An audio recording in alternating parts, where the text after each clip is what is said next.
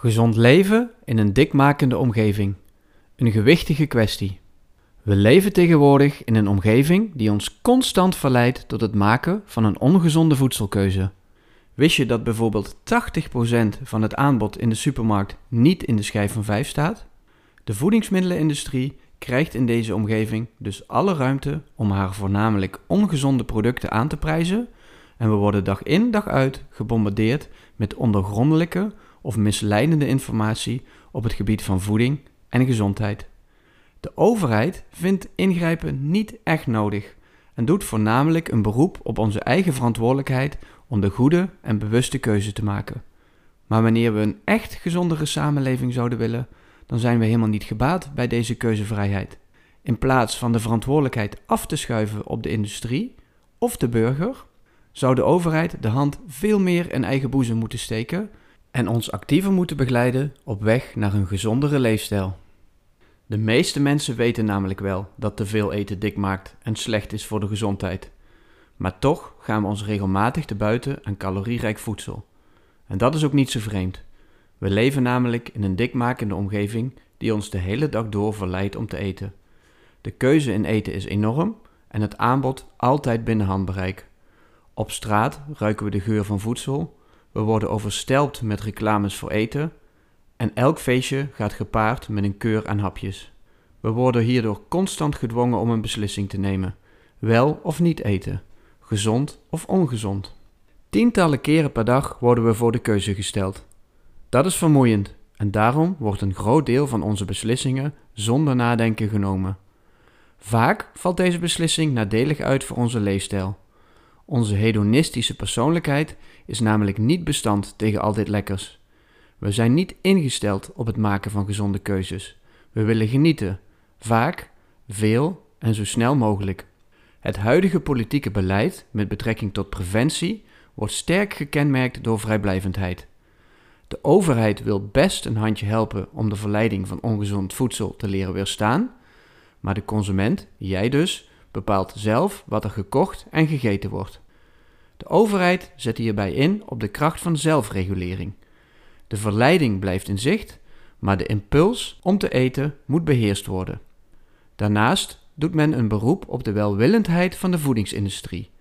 Bedrijven die miljoenen euro's uitgeven aan de constante stroom aan voedselverleidingen, wordt gevraagd om samen te werken met lokale overheden in de strijd tegen overgewicht en voor een gezondere samenleving. Het gezondheidsoffensief van de industrie lijkt sympathiek, maar moet toch vooral gezien worden als een schijncampagne.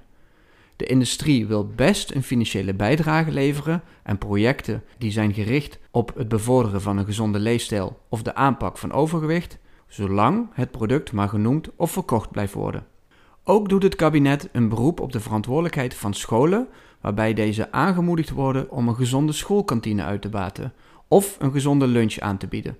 Het probleem is dat het met name blijft bij aanmoediging, aangezien scholen nauwelijks financieel of anderzijds ondersteund worden in hun initiatieven om jongeren de gezonde keuze te laten maken.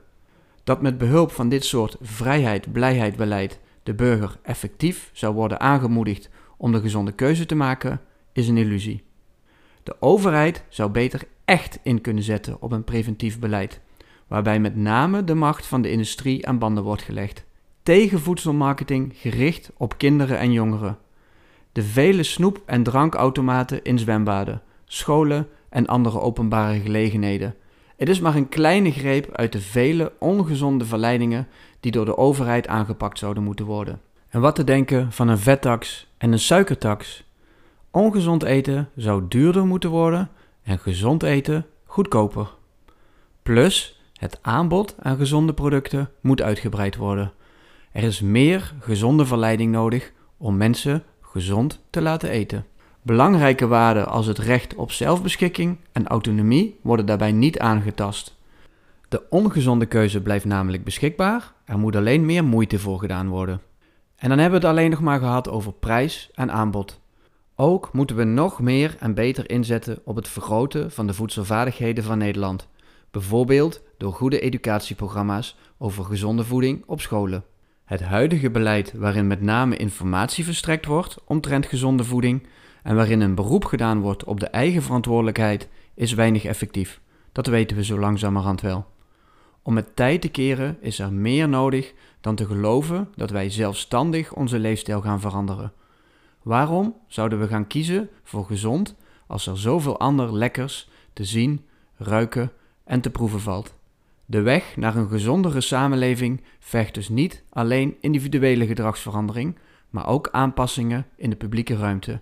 En deze verandering kan in eerste instantie alleen worden vormgegeven door de overheid. Zo wordt een situatie gecreëerd waarin de gezonde keuze de gemakkelijke keuze is en de sociale norm ten aanzien van ongezond eten zal veranderen. Hierdoor wordt het gemakkelijker om ons te conformeren aan een gezondere leefstijl. Deze vorm van gedragsverandering wordt in eerste instantie dus niet intern door onszelf, maar extern door de overheid vormgegeven. Dit beleid zal soms botsen met het idee van autonomie, zelfbeschikking of levensgeluk, maar het is wel nodig om een eerste, echte grote stap te zetten naar concrete verandering. Hopelijk ziet de overheid dat ook snel in. Je luisterde zojuist naar een voorgelezen stuk dat ik schreef in 2013. In dit stuk gaf ik antwoord op de vraag welk idee, inzicht of innovatie heeft Nederland veranderd of zal dit in de toekomst gaan doen. Het stuk maakt deel uit van Nederland in ideeën. 101 denkers over inzichten en innovaties die ons land veranderden. En nogmaals, ik schreef dit stuk in 2013. Ik ben benieuwd wat je van het stuk vindt. Is er in 10 jaar iets veranderd? Heeft dit idee inderdaad Nederland veranderd? Of is het een idee dat Nederland nog zou moeten gaan veranderen? Ik ben benieuwd. Misschien wil je wel reageren. Ik heb daarom een poll aangemaakt op Spotify. Hier kun je je reactie achterlaten. Ook kun je reageren op mijn post op Instagram. Je vindt ons Leefstijlab. Nou, dit was een keer iets anders. Over twee weken ben ik weer terug met een nieuwe podcastaflevering waarin ik in gesprek ga met dokter Inge van der Wurf, onderzoeker aan de Open Universiteit. Ik ga het met Inge onder andere hebben over voeding, het microbioom en de relatie met depressie. Die aflevering wil je dus niet missen. Ik zie je snel weer. Doei!